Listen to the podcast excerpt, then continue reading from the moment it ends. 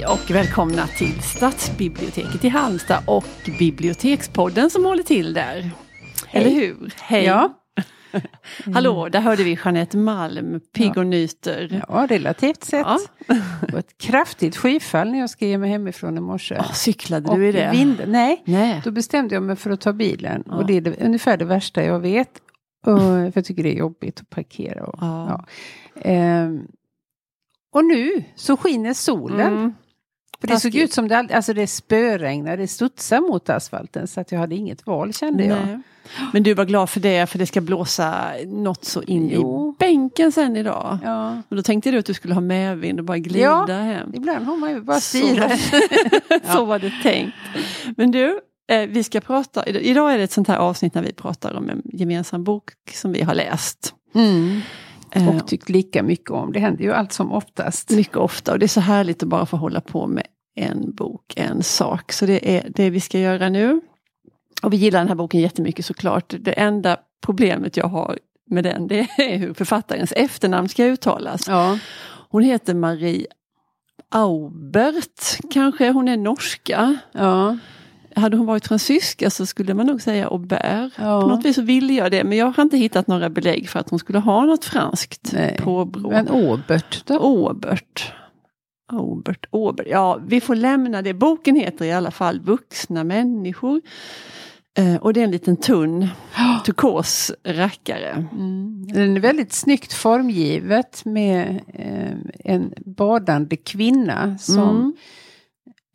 håller eller släpper oet i Ja. människor. Ja, precis. Eh, Det har som- flutit iväg ifrån Ja. sin plats i titeln. Eh, Det är ser ut snyggt att- tycker jag när man liksom använder bokstäverna till, eh, Mm. till bilden. Ja, det är det. Och så tycker jag hon, hon flyter liksom. Och samtidigt så kan det också se ut som ett fall. För hon, eh, Huvudet Det är finns ju lägre en- än eh, benen. Precis, där är ju en riktning där i, i bilden. Ja, eh, och vi tycker inte bara om utsidan, och vi tycker om insidan också. Men nu Mm. för ovanlighetens skull så ska jag komma med en liten kort faktaruta. Eh, författarinnan är född 79, och hon är ju då norska som vi har sagt. Och 2016 så debuterade hon med en novellsamling. Alltså när jag säger det så, kom, så slår det mig att det är många som debuterar just med novellsamlingar. Ehm, vet Och det, riktigt. ändå räknas ju det som ett väldigt svårt format. Det är ju inte så att det Ja. är lättare att Nej. skriva kort Nej, än långt nej. om nu Nej. någon trodde det. Nej. Utan att novellen är ju liksom en komplicerad eh, Historia. struktur att förhålla sig Ja. till. Så det är ju lite märkligt. Mm. Det är det faktiskt. Ja, eh, den, het, den kom 2016 och den heter Får jag följa med dig hem? Och den fick ett väldigt fint mottagande. Och den är också översatt då. Ja, det Mm. är den. Och den är lika snygg den till utseende. Men du har inte läst den? Nej, det har jag inte hunnit med. Eh, och den här boken den var liksom en stor snackis redan innan den kom. Den, Mm. den, man förstod väl att här var något stort på gång. Mm. Ja, ska vi... Ja men du, vi får ta det där med handlingen då. Ja. Vad handlar den om? Den handlar om, och när man säger det så låter det mycket mindre än vad det i själva verket är. För det är en ganska vanlig historia att Mm. det är två systrar som har valt olika vägar i livet. Den ena har satsat på utbildning och karriär och den andra har eh, inte gjort det. Nej. Nej. Och tillsammans äger de en sommarstuga. Mm. Men karriärsystern är där väldigt sällan. Mm. Eh, så hon känner sig lite grann när hon kommer dit som att hon är på besök. Fast det i själva verket är så att de äger den tillsammans. Ja, och detta har ju visat sig i till exempel Den är ommålad när hon det. kommer. Och Mm. det är ju alltså ett kraftigt övergrepp Ja. får man ju säga. Den har varit gul alltid och Ja. nu är den helt plötsligt vit. Eller om det var Detta. tvärtom. Ja, men jag tror det var precis så, för det är också någon trend, verkar det vara även i Norge, att det där huset ska vara vita. Mm. Ja, Så det utspelar sig att hon kommer dit och är den andra systern redan där eh, och med sin man och hans dotter från ett tidigare förhållande. mm. Och sedermera kommer också deras mamma dit. ja för de ska fira hennes 65-årsdag. Precis. Eh, Mm. Så det är ju upplagt då för eh, alla de här eh, konflikterna som kan och Mm. ofta förekommer inom familjer och särskilt mellan systrar verkar det vara. Särskilt. Och I alla fall i ofta- litteraturen. Ja, och ofta är skådeplatsen en sommarstuga för sådana Ja. här. Men det är också ett ämne för en annan avhandling. Och det är oklart var i Norge vi befinner oss. Det har jag ingen aning om. Jag, jag tror vet inte att det ens. sägs alls. Ja, men nämner de inte orter? Men jag har inte kollat Gör upp om de det? finns. Ja. Det tror jag. Ja. Ja, vi får släppa den tråden. Men det är i Norge i alla fall och det är ju vatten runt omkring för de kan ju åka båt och, ja. och ha sig. Men ja, eh, men det finns ju flera det, det tycker jag är så härligt för det är en väldigt, som sagt en väldigt tunn bok men det finns så mycket att hämta. Ja.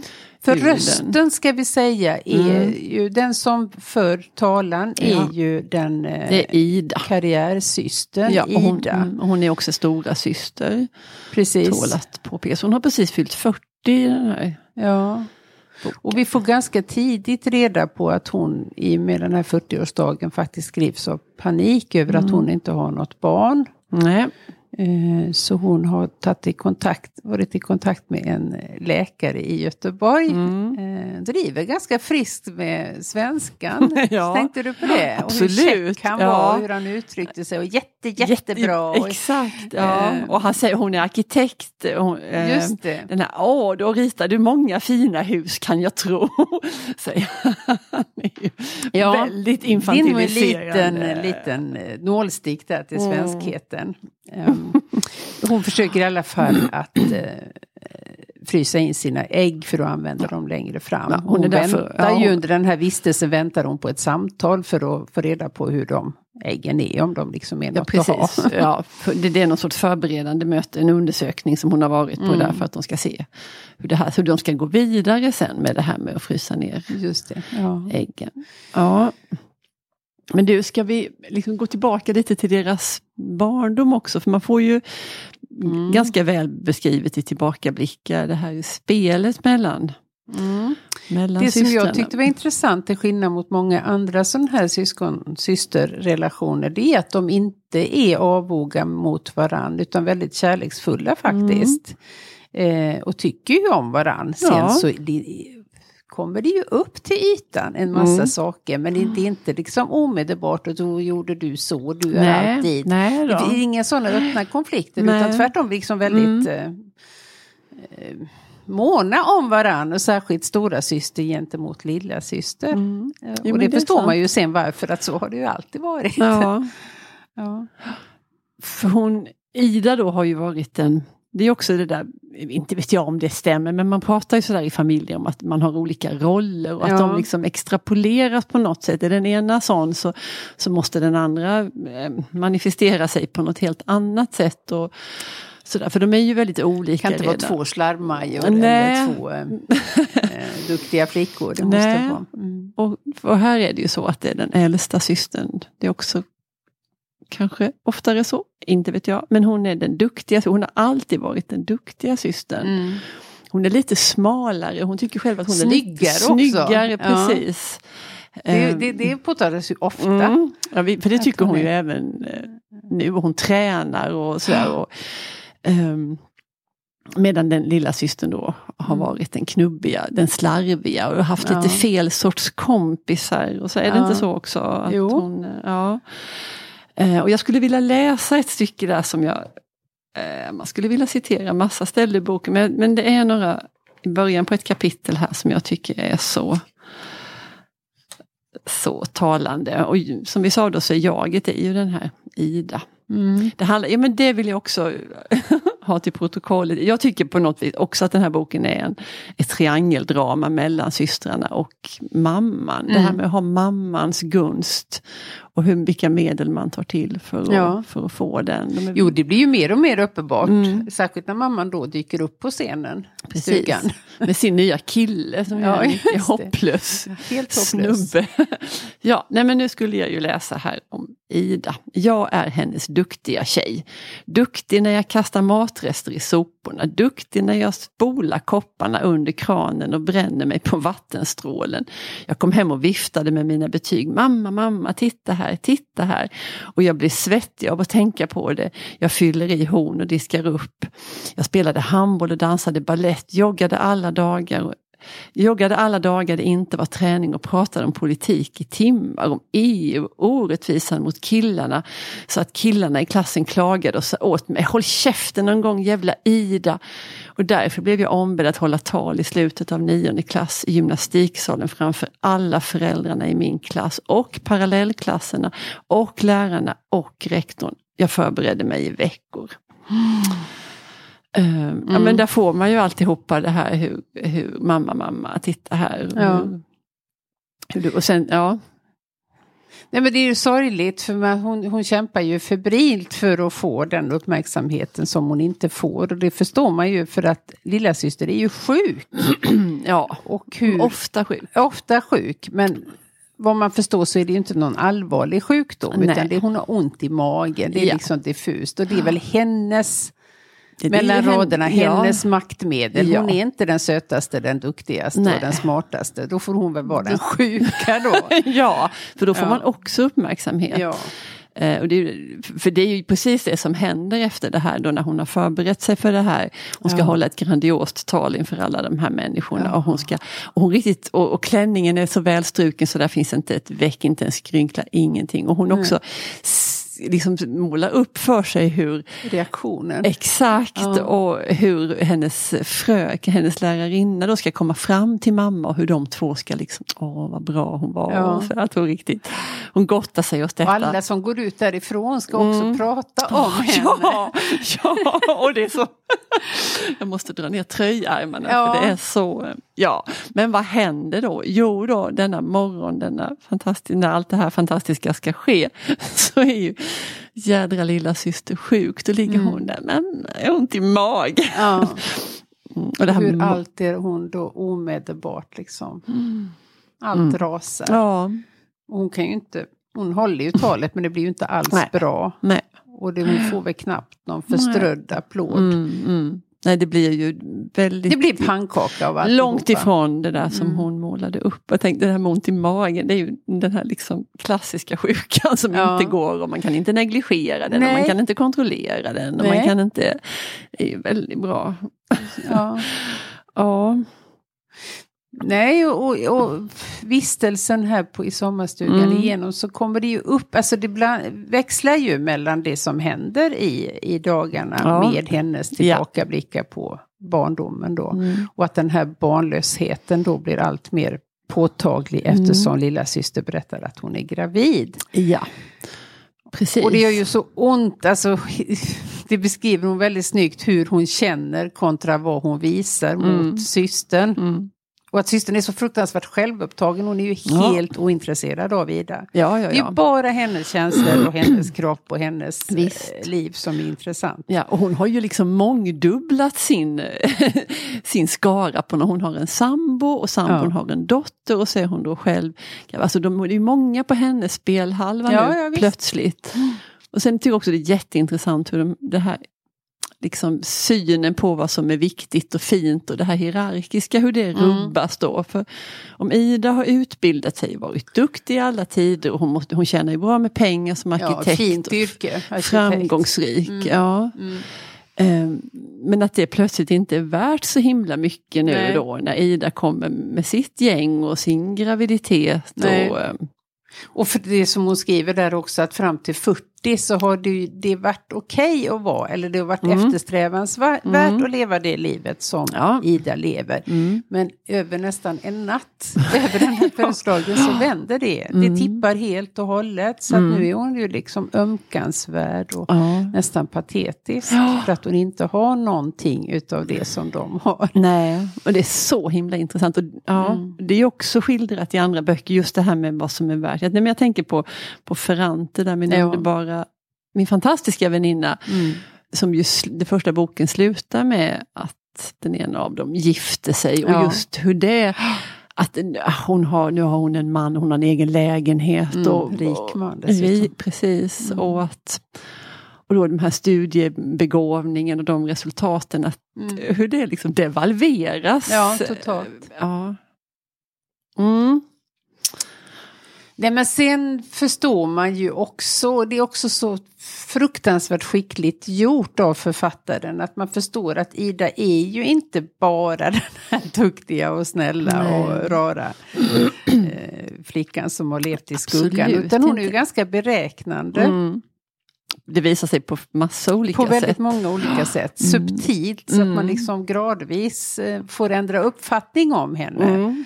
Eh, inte helt och hållet, utan, men det blir mer och mer komplext kan Ja, man säga. Och det gillar man ju Det jättemycket. Det här. Mm.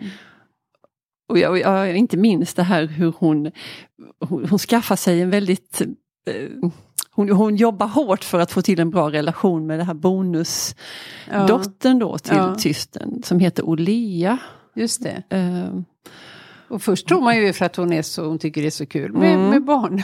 Allt eftersom Nej. förstår man ju att det är ju för att måla upp en bild. mm. Eftersom faktiskt lilla systern har inte den bästa relationen med Nej. barnet. Hon är ganska ointresserad av henne. Ja, och där är också någon Såklart, konkurrens där om, konkurrens om, om emot den här. Kristoffer. Ja.